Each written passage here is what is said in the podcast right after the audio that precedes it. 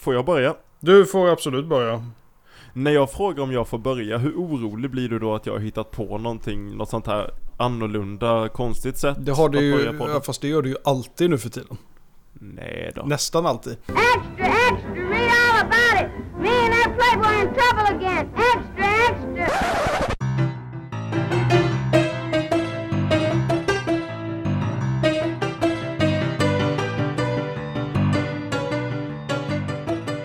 Shiver me timbers matey, tis a glorious day to record a podcast, aye! What say you, Nullis? Button down the hatches, crack Jenny's teacup, and head for David Jones's locker. Fire in the hole! Ja, jag tänker inte svara på det där. du, du, Man kan också säga välkomna, hej och välkomna till en rolig historia. Jag heter Long John Silver. Eh, och jag heter Svartskägg. Detta avsnittet kommer vi prata om pirater. Pirater! Föreställ dig en pirat, föreställ dig allting du vet om pirater. Mm. Det är inte sant! Tydligen! Det är väldigt mycket om piratliv och pirater som, som är väldigt, väldigt ehm, förskönat för att inte säga osant. Minst sagt, uh, minst sagt. Men för den sakens skull så är det här eh, inte på något sätt ett mindre intressant ämne ju mer man läser om det. Absolut inte. Det, det är fruktansvärt intressant och det, det är en sån... Det är en sån gammal sak. Alltså det, det, har, det, är det har funnits med så fruktansvärt länge att det, det finns mycket att prata om här. Det går ej att förneka. När kan man säga Linus att eh, människor började pirata sig? Alltså pirater är en pirat är någon som utför olaga s- handlingar till havs. Så är det. Med den vetskapen i bagaget så är det ganska logiskt att tänka att ungefär 20 minuter efter att den första båten någonsin byggdes så var det, så, så och liksom det, när, när eh, Frank von Uppfinning byggde den första båten och seglade ut på havet 20 minuter senare så kom, så kom en eh, Frank från Elak Ja. och tittade på honom och sa Jag ska bygga en likadan och sen ska jag råna skiten ur honom Japp. Det, det är Liksom- så det funkar. Det har alltid funnits elaka människor, det har alltid funnits s- människor som, som stjäl och det har funnits människor som stjäl på havet lika länge som vi har funnits på havet. Ja men så så är det. Och grejen är, grejen är det här att vi har funnits på havet väldigt länge.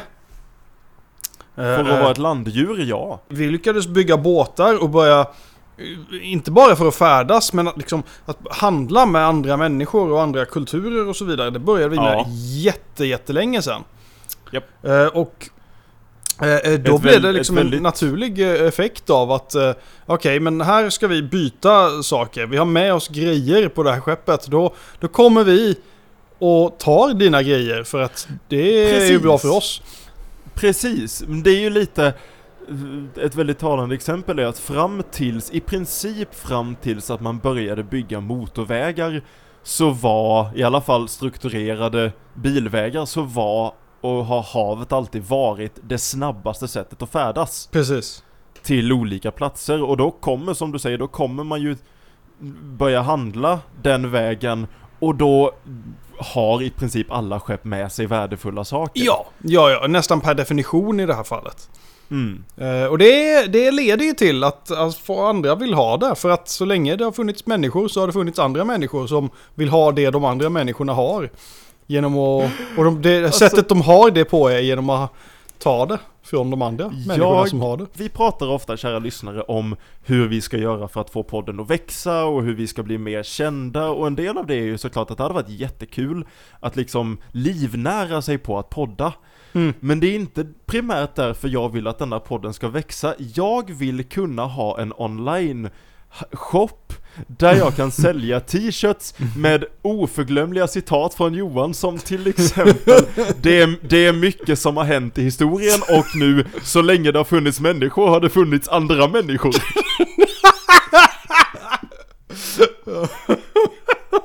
Små, små guldkorn av visdom som jag delar med mig av. Så om, om för inget annat, dela med er av vår podd till alla ni känner så att ni kan få äga en t-shirt där det står så länge det har funnits människor har det funnits andra människor. Medelhavet var ju en väldigt ehm, väldigt central plats för pirater Oh ja, för väldigt länge sedan om man snackar för, för 2-3 tusen år sedan. precis. Eh, eh, och det här har ju mycket att göra med att det var en väldigt mer, en, stor befolkning som rörde sig i de trakterna kan man säga. Ja, Eh, Det, det är egentligen knutet till det. Eh, Och många, alltså när det här börjar växa upp, samhällen börjar växa upp och vi har eh, eh, den eh, eh, jordbruksrevolutionen och vissa eh, specifika eh, eh, platser på jorden eh, bildar ju eh, samhällen som är mer avancerade. Man brukar tala om flodkulturer för de växer ofta upp bredvid floder och så vidare. Typ i Nilen, typ eh, eh, eh ja, men lite olika eh, platser. Um, I Egypten, i Indien och eh, Mesopotamien däromkring. Nu blir jag väldigt långrandig här. Men poängen är att uh, det här leder till att de har alltid saker att dela med sig av och byta med andra mm, platser. men då är min fråga. Det har funnits pirater åtminstone i 4000 år. Oh ja, Och säkert längre. det finns fortfarande, vilket vi kommer komma tillbaka till, det finns pirater idag. Mm. Det är fortfarande ett, om man kan kalla det yrke, Mm. som utövas.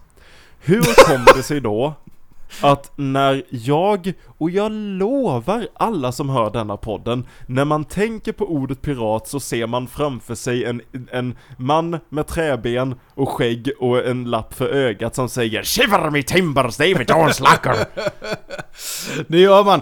Det här, jag skulle skylla det här Var på... kommer det ifrån? Ja men det här, det här är väldigt tydligt. För att, eh, okej, under, mell- från mitten på 1600-talet till mitten, början, mitten på 1700-talet någonstans så har vi en, en period i världen där vi under, i, i Karibien, det här är efter att eh, USA och Latinamerika och Kanada och alla de här eh, ställena har befolkats mer och mer av eh, europeiska folkslag.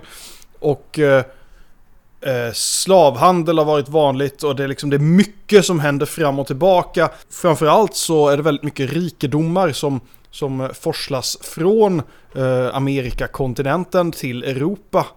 Eh, och det här leder då till att väldigt många sjöfarande människor och människor som varit, eh, kanske haft dåliga eh, livslotter och så vidare ser en möjlighet i att ta det här från dem. Mm. Från de här makterna och så vidare. Eh, och det här då, den här perioden av en väldigt stor period av pirat... Eh, pi, vad, ska, vad fan ska man kalla det? Pirateri? um, Jag tror den, den korrekta termen är pirateri. Ja, nu är det det. Eh, och den, det, det eh, leder ju då till eh, en väldigt, som sagt, det är en väldigt, väldigt stor influens på den tiden. Men det är först efter det här då en väldigt välkänd bok som heter Skattkammarön skrivs. Som det här Yes. perioden egentligen populariseras i, i eh, bokform. Och det är lite egentligen där man börjar få den här bilden av den här piraten som arr, och en papegoja och fan, allt, lapp för ögat, allt det här. Det, det är där det kommer ifrån till stort, eh, i, i stort egentligen. Det tycker jag är en av de, en av de mest intressanta sakerna med pirater. För det det är en tid i människans historia som har funnits, som hände på riktigt. Men som också nästan så fort den var över, i princip samtidigt som den började ta slut, så blev den populärkultur. Ja, Den, den verkligen fiktionaliserades nästan direkt. ja, precis. Alltså på ett sätt nästan, nästan under tiden det fortfarande pågick. Ja. Eh, Ja, jag vill komma tillbaka till Skattkammarön, men det fanns faktiskt en bok innan Skattkammarön som jag tycker man borde ta upp också, som Skattkammarön till stor del är baserad på. Och det är en bok som kom ut 1724, som heter A General History of the Pirates. jag gillar, jag de gillar hur du säger det Ja, på skotska. ja, och den, den här boken är en biografi över alla kända pirater du har hört talas om. Deras liv och deras besättning och alla äventyr de har varit på och den framställer sig som en faktabok. Ja. Den är väldigt intressant på många sätt den här boken. Mm. Eh, Dels för att den är enormt förskönande Mm. i hur den framställer de här sjörövarna. Men också för att vi vet inte vem som har skrivit den. Nej men precis. Författaren kallar sig själv Captain Charles Johnson. Mm. Man har kommit fram till, man har tydligen gått igenom alla sjöfarare som har funnits och, och kommit fram till att det fanns ingen kapten som heter Charles Johnson. Något som jag tycker är väldigt osannolikt. Det är ett väldigt vanligt namn. Och inte nog med det, det känns som ett väldigt rimligt kaptensnamn tycker jag. Nej, det, det har aldrig funnits en brevbärare som heter Erik Johansson. Det är ganska uppenbart att det är ett påhittat namn, det är någon annan som har skrivit den här boken. Mm. Vem är det de flesta tror har skrivit den här boken? Ja, Det kan man ju fråga sig. Willem Dafoe höll jag på att säga nu. Daniel Dafoe! Jaha, ja, ja, ja, ja, ja. Det vill säga han som skrev Robinson Crusoe. Ja, men precis. Man vet för det första inte detta, men man tror detta inte för att han någonsin sa att han hade skrivit den här boken, Mm. utan för att människor har ägnat sina liv åt att läsa igenom alla Daniel Defoes böcker och jämföra liksom hur de är skrivna med Ja. den här boken. Ja. Jag ramlade ner i ett något sorts litet Daniel Defoe-format kaninhål när jag läste om detta. För att det här är inte den enda boken som man är osäker på om Daniel Defoe har skrivit. Jaså, ja, okej. Litterära forskare Johan Vegas Lindvall bråkar fortfarande om hur många böcker William, eh, fan, Daniel Defoe har skrivit. Vissa menar på att han har skrivit så många som 500 böcker. Oh jävlar i havet. M- medan andra forskare menar att det bara är så få som 274 böcker. Oh, oh. Och den enda slutsatsen jag får av detta är att Daniel Defoe var jävligt dålig på att marknadsföra sig själv. Han hatade pengar förstår ni. Hur jävla dålig författare måste man vara om man glömmer skriva sitt namn på boken? Det är det här eviga problemet med elever som gör jättebra ifrån sig på proven men de glömmer skriva namn. Så det blir inget betyg. Precis. Tillbaka till den här boken som Daniel Defoe kanske har skrivit. Den utger sig för att vara en faktabok, den går igenom en hel drös med sjörövare Mm. och den är enormt förskönande om deras livsstil. Precis. Eh, och den är sen en väldigt, väldigt stor källa till Skattkammarön som du nu får fortsätta prata om. Mm. Ja. Förlåt att jag eh, avbröt dig i 20 Ingen fara, ingen fara. Som du säger, det här är en, det här är en, en väldigt stark inspirationskälla. Skattkammarön är en mer uppenbar fiktion kan man säga. Eh, Alltså även om ni inte har läst boken har ni säkerligen sett någon variant av det här på film. För det, det har gjorts ett gäng kan vi säga. Ja, det är, en, det, är en, det är lite Robin Hood över den. Det, Det är det, det är verkligen det. Du är inte en riktig skådespelare om du inte har varit med i en skattkammare liksom. Men precis. Alltså, för, för det är så att alltså, det, det är en väldigt klassisk berättelse och den innehåller den här, den här klassiska bilden av en pirat, i det här fallet Long John Silver då. eh, eh, som, som var en, en fiktionell pirat och han ska inte ha funnits i verkligheten. Eh, men, men det är ändå, han är ändå den här bilden av, för, en, en, en riktigt, liksom en, en skäggig, enögd uh, papegoja-innehavandes... eh, eh, Du vet den där stereotypen av en pirat. Han var en skäggig, enögd papegoja. Ja, precis! som, som alla är. Det här är intressant dock för att eh, det här är innehåll i boken. Jag ska inte gå igenom vad hela boken handlar om nu för det är en ganska lång handling. Men eh, poängen är att den har den här den, den gör ett populariserande av det.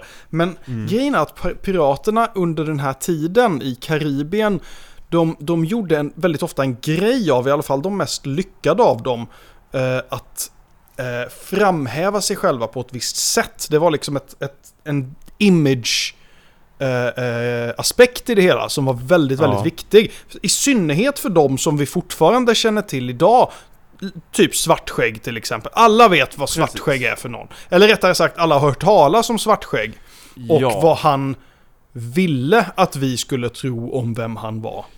Ja, för att Svartskägg har ju alla de här, eh, han, för det första så är han en två meter lång eh, muskulös man med långt svart skägg. Han Mhm. är ju liksom ur piraten känns det. Det, det, han är ju det. Han är ju det. Så har vi alla de här historierna om att han, han hade rökelser i skägget Mhm. för att det skulle se ut som att han brann. Mm. Han, eh, ungefär en gång i månaden, det här är en av mina absoluta favorit pirathistoria. En gång i månaden när han var ute på vattnet så, så kallade han upp alla sina besättningsmän på skeppet och så sköt han en randomly för att de skulle veta vem som bestämde.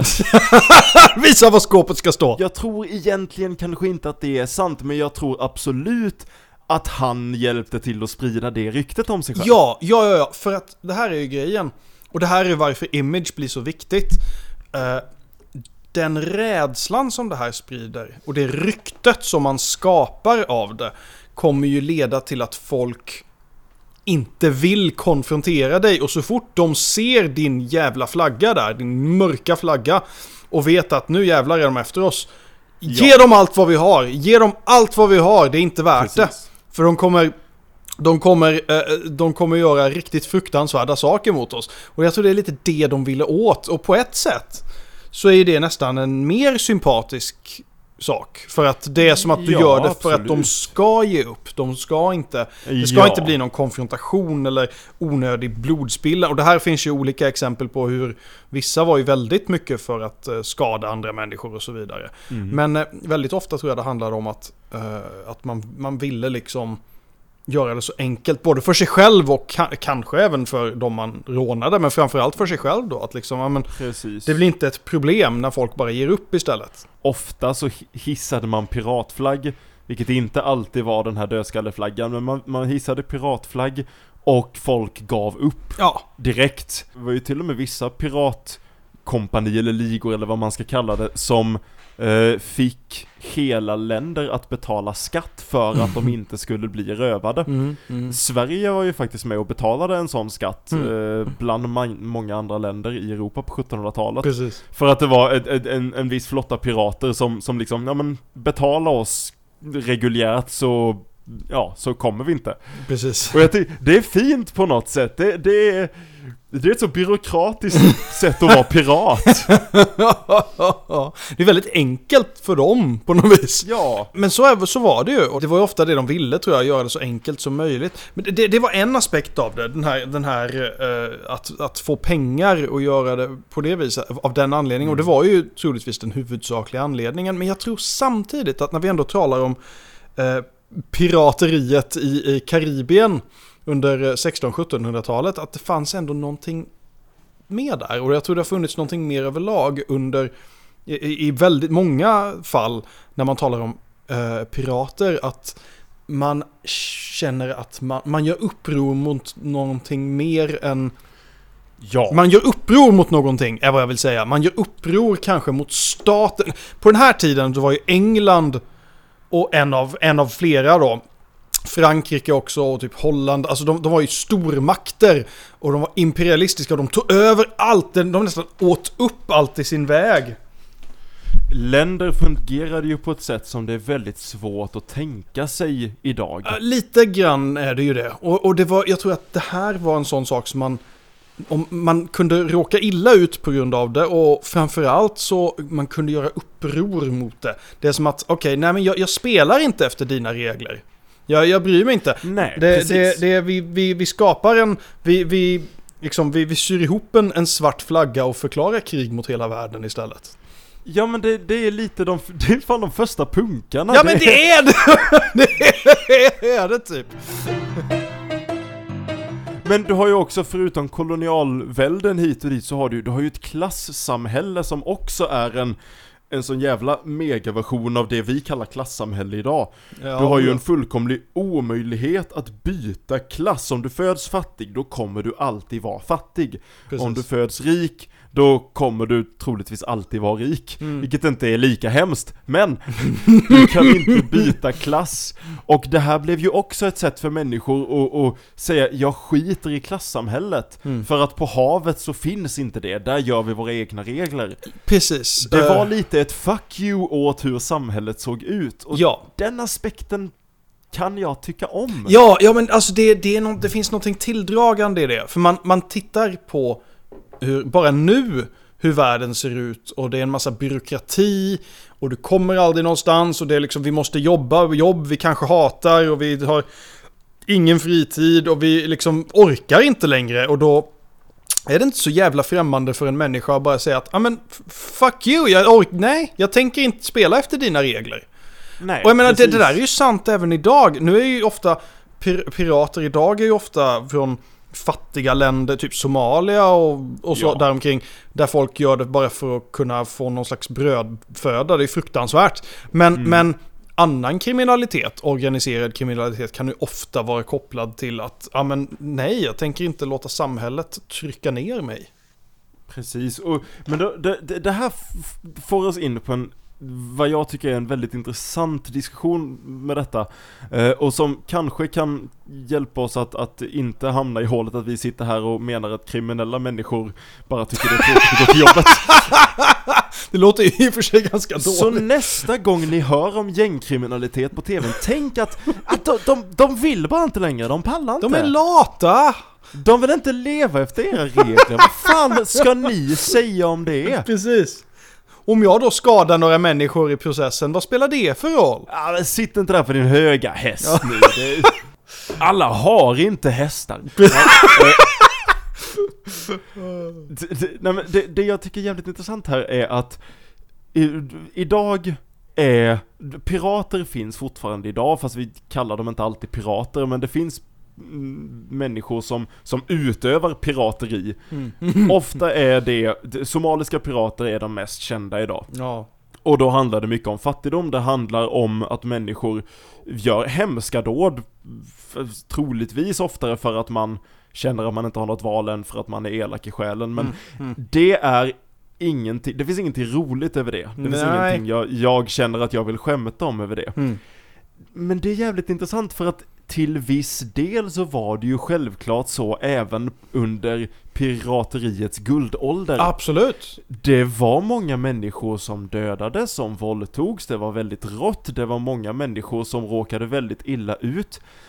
Sen har den delen av pirateriets historia har populärkulturaliserats, Mhm. förskönats och blivit Hollywood-material. Precis. Är det fel? Alltså, nej. För att jag, jag sitter här och jag tycker om piraterna då.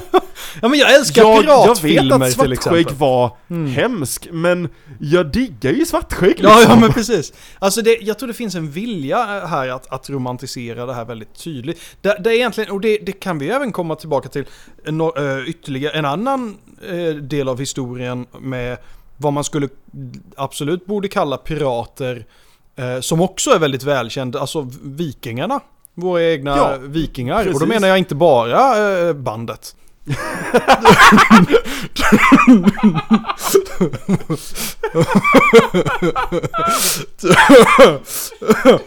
Du hörde mig Christer Sjögren. I'm watching you. Nej men...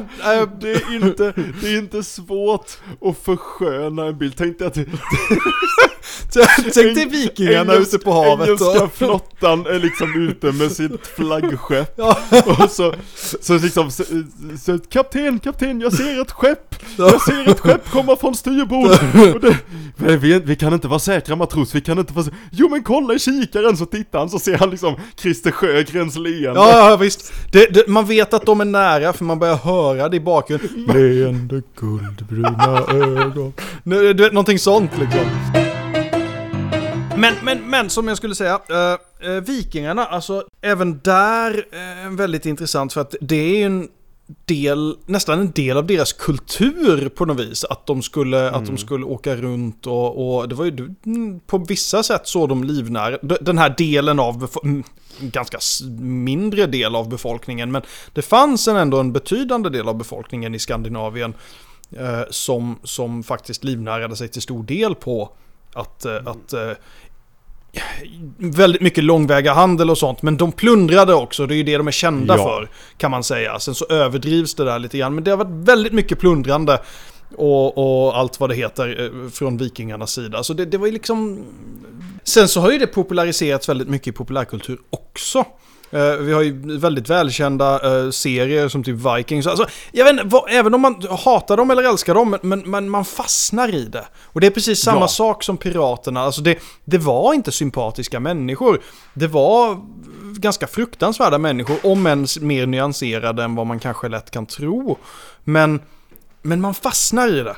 Man fastnar i det. Mm. Det är lite som eh, om, om man tar den råaste delen av pirater så är det fortfarande den här grejen med det. Kära lyssnare, gå ur från, från, från vår podd nu, gå till startsidan på poddappen du troligtvis lyssnar på. Mm. Du kommer se 7-8 mordpoddar direkt. Mhm.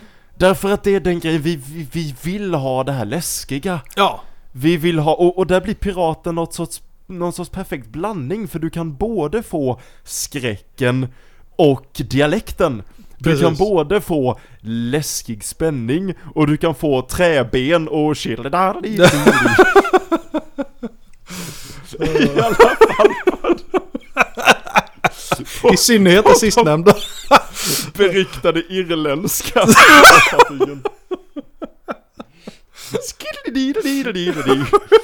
We are pirates. Hardy, hardy, hardy. Ja, nej men så, så är det. Och det, det har varit mycket intressant eh, hur, hur man väljer att eh, porträttera det efter att det har hänt så att säga. Hur man väljer att komma ihåg det på något vis. Det finns ju fler ex- exempel på eh, pirater eh, på alla möjliga olika platser. Nu har vi bara tagit upp egentligen två stycken förvisso väldigt, väldigt, väldigt noterbara exempel. Och det är ju kanske de man tänker på i synnerhet. Alltså framförallt så tänker man ju på Karibien när man tänker på pirater. Och det är ju mycket Ja. tack vare den här bilden det har skapat i huvudet på oss. Med media och så. Pirates of the Caribbean liksom. Alla tänker på Ja. Johnny Depp idag säkert. Jo men det gör man ju och där ligger ju lite i tiden också att det har populariserats Precis. den vägen. Ja, Fått en renässans där så är det. Så är det. Och det, det är väl inte så konstigt kanske. Men det blir romantiserat ändå. Och det ligger väl i sakens natur. Alltså jag tror aldrig riktigt att eh, den här typen av sak kommer, kommer att vara oromantiserad. Eh, för att eh, framförallt nu när det är så pass förhållandevis ovanligt. Så Precis, i alla fall i vår del av världen. Ja men det, det är klart att det kan hända om man är på typ en färja eller någonting och, och råkar illa ut. Men, men det händer inte i samma utsträckning som det gjorde då till exempel. Ehm, Nej, för att för, för, för 250 år sedan, om du var i Karibien och var på havet så var det ju en stor chans att du skulle bli överfallen av pirater. Ja, jo men verkligen. Eh, och det, det var ju bara så. Och det är likadant i delar av, men utanför eh, eh, Kina och däromkring på 1800-talet var det också. Det har vi tagit upp innan med Ja. enorma flottor med pirater och så vidare. Gud ja. Ja, och där har vi ju, ska vi nämna någon förutom Svartskägg så, så tycker jag när vi ändå kom till, till Kina så måste man ju prata om Qing Shi. ja men det har vi ju gjort innan och det är ju Jag värt vet att vi har gjort det innan men hon är värd att nämna igen. Hon är väldigt speciell, verkligen. Det är en eh, enorm, enormt lyckad eh, eh, pirat kan man säga. För de flesta, det ska vi ju tillägga, av de här människorna fick ju ett ganska, ganska, vad ska man säga, tragiskt slut om man säger. De flesta dog. Ja, det tror jag alla gjorde. Ja, okej, ja, okej. ja, okej. Förutom Svartskägg som idag jobbar på ICA i Västerås. Eh, Ta inte upp hans förflutna, han blir jätteirriterad. Han blir jätteledsen. nej, nej men det, de flesta, Svartskägg slutade ju med sitt huvud på en, på en påle, rent ut sagt. ja, Eh, men, eh, men Xing Shi var ju, jag tror man vågar kalla henne den mest lyckade piraten det genom tiderna man. för hon hade typ 2000 skepp. Eh, eh, precis. Jag tror att om man jämför det här med, jag vet inte, alltså en av, en av de mest lyckade i, i, i Karibien då, det var ju, eh, eh, han- kallade sig, han hette inte det egentligen, men han kallade sig för Black Bart. Han, eh, han hade, vad kan han ha haft? Typ 80 skepp eller något sånt där. Ja. Om man Och jämför. Det är mycket! Det är 80 jättemycket. skepp Det är mycket! Ja, ja, ja. Det, det är fruktansvärt mycket.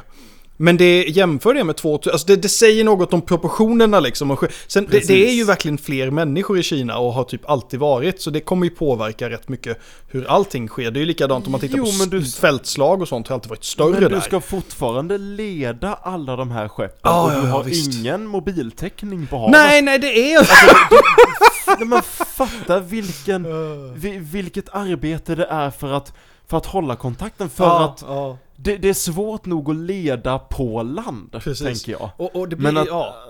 ja. Och det är intressant här för att, eh, och det här ser man i många fall, men även, även här då, att det är ofta regler som, som styrde upp liksom hur besättningen Ja. fick, eh, fick eh, bete sig och saker de fick göra och saker de inte fick göra. Och, och väldigt tydliga eh, lagar egentligen med straff och sånt för vad som hände om du stal och, och allt möjligt. De visar en, en, en, kanske inte vänlig sida, men en annan sida än den här hemska. Ja men det är inte bara rakt av att vi ska liksom, vi ska mörda allt och äta era barn liksom, utan det, det, är, det är lite mer nyanserat än så. Välkommen till detta piratmöte. Jag är Svartskägg. Jag läser upp våra stadgar som vanligt. Ehm, bränn allt. Eh, paragraf 2. Ät barn. Eh, paragraf 3. Eh, säg alltid arr när du möter en annan pirat. Ja. Kan ni våldta det så ska ni våldta det. Eh, träbenen hittar ni till vänster, krokarna hittar ni till höger. Eh, under varje stol finns en ögonlapp. Det, det var inte riktigt så. Det var, det, Nej. det är lite, lite intressant att se. Det var ju inte ett, ett, ett uniformt regelverk. Det var ju inte en regel som gäll- den här Pirate Code som man pratar om, piratlagboken. Ja nej nej, det är inte någon så Nej, det är ju det är inte en bok som fanns på alla piratskepp, men varje piratskepp hade en, kan man säga. Ja men ofta i alla fall hade de Ja, det. ofta. Och ofta så, så många av reglerna såg ungefär likadana ut. Mm. Och bland annat då så handlar det ju om att alla som är på skeppet har rätt att rösta. Mm. Alla har rätt till lika mycket provisioner. Eh, alla har rätt till lika mycket ledighet och sådana saker. Ganska Mm. så basic sociala eh, ordningsregler liksom. Ja men det, det, man får lite känslan av att det är som en arbetsplats. Ja men lite så. Det var ju många skepp som hade kompensation för om du blev skadad i strid. Ja. Eh, och den kompensationen togs ju då från allas lön, att alla betalade någon form av nästan skatt då när det behövdes Mm. för att ge till personen som kanske hade förlorat ett ben eller Ja. hade blivit eh, skuren illa eller någonting sånt. Precis. Och det är ju också, det är lite som ett socialt skyddsnät Ja. som finns. ja, ja visst. De var före sin tid.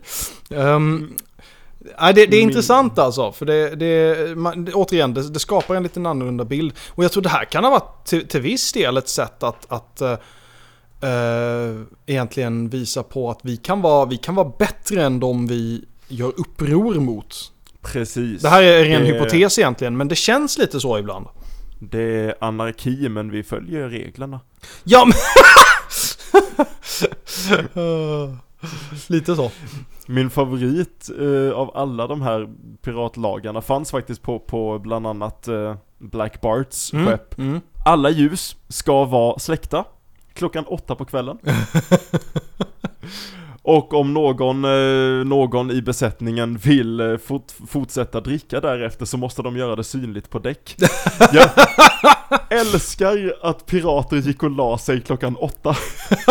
Den, den är fan bra. Den är jävligt bra. Får ni inte minimum åtta timmars sömn, då har ni, då har ni liksom, då får ni skylla er Ja, själva om ni inte orkar med dagen lite, sen. vi, vi gör fortfarande ett arbete här. Ja men precis. Vi vill inte att du kommer imorgon och "Ö, jag är bakfull, jag orkar inte döda någon idag. Nej men, när gick du och la dig? Var det verkligen så smart att sitta och scrolla på Instagram till klockan två på natten? Svartskägg, du vet bättre än så här. Det är så roligt för den här typen av, man tänker inte att den här typen av människor skulle vara speciellt mottagliga för regler av denna sort. Nej, det, Men, men, men det verkar ju funkat ändå. Det kanske är just därför man måste ha dem, jag vet inte. Det är ju en ny tröja, röva, råna och ta beslag och vara i säng klockan åtta.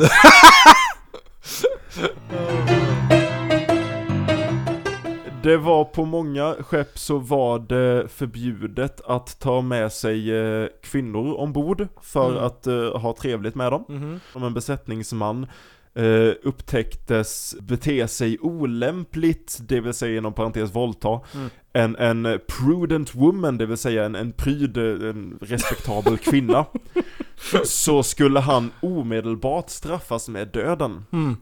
Och det är en annan del av de här lagböckerna för att alla straff är döden. Eller hur? Men, men grejen är här, Det är liksom, vi går alla och lägger oss klockan åtta och om du är uppe efter klockan åtta så bestraffas du med döden.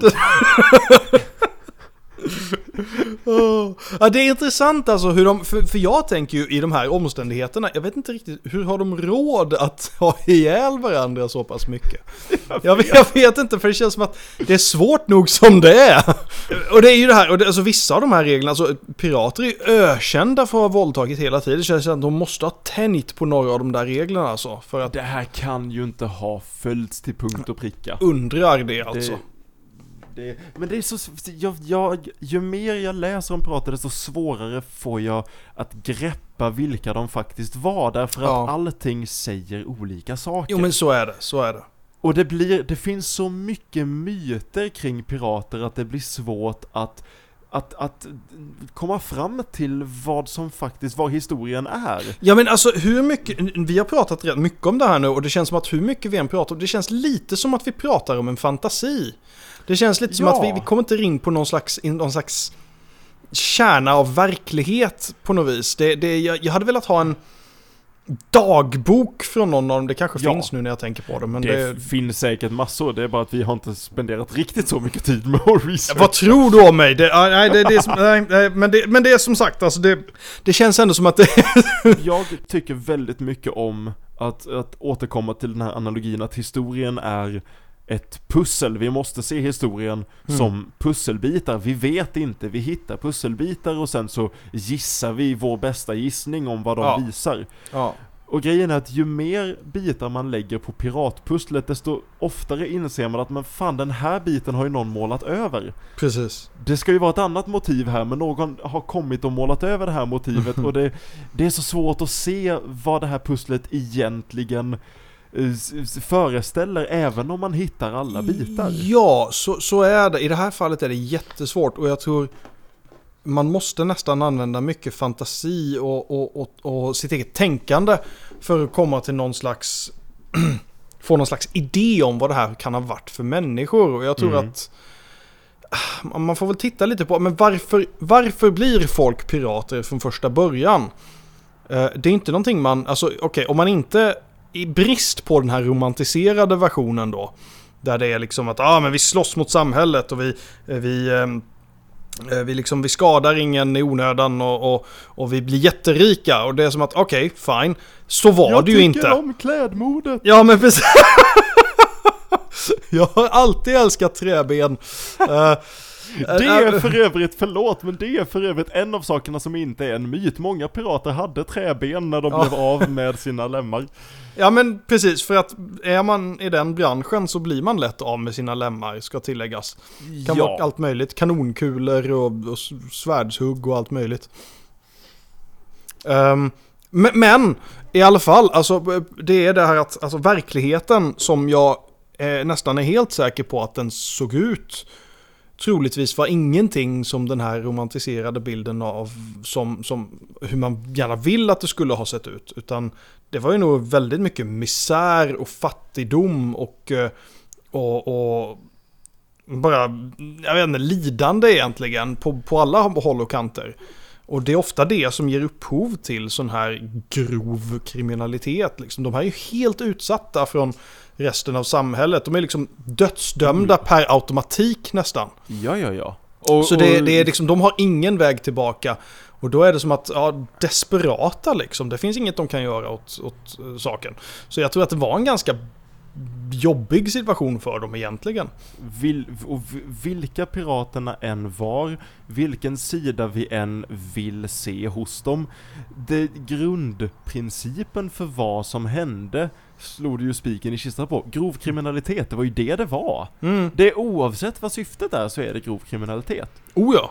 Och det blir jävligt intressant för att det, för att citera en av mina absoluta favoritmusikaler, Hamilton, som alla borde lyssna på, Mm. där George Washington säger You have no control who lives, who dies, who tells your story. Du har ingen kontroll över vem som lever, vem som dör eller vem som berättar din historia. Mm.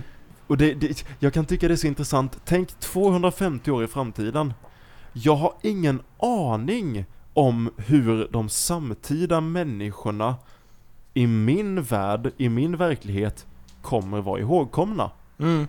Jag vet inte om gängkriminalitet kommer vara ihågkommet om 250 år. Kommer det vara Kommer, nej men kommer, det ha fun- kommer det finnas någon, någon romantiserad bild av det? Mm. Kommer Obama kommas ihåg som en, en hjälte eller kommer Donald Trump som, förlåt, inte är riktigt lika hemsk som ehm, alla svenska kungar fram till åtminstone början på 1900-talet.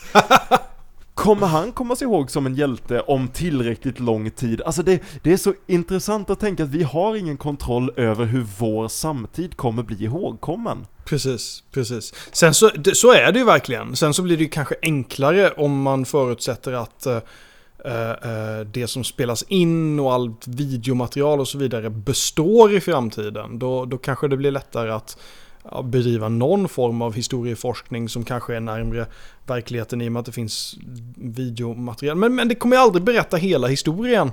Eh, och det är ju väldigt, liksom, en ganska obehaglig och samtidigt intressant tanke när man tittar på det. För det är som att, som du säger, när vi är döda då har vi ingen kontroll över vad som sägs om oss. Nej, precis. Jag hade för övrigt älskat att hoppa in i en tidsmaskin och åka tillbaka till 1700-talet och ge Svartskägg en, en videokamera och låta honom göra en videoblogg. Åh gud! Vilken grej! På YouTube.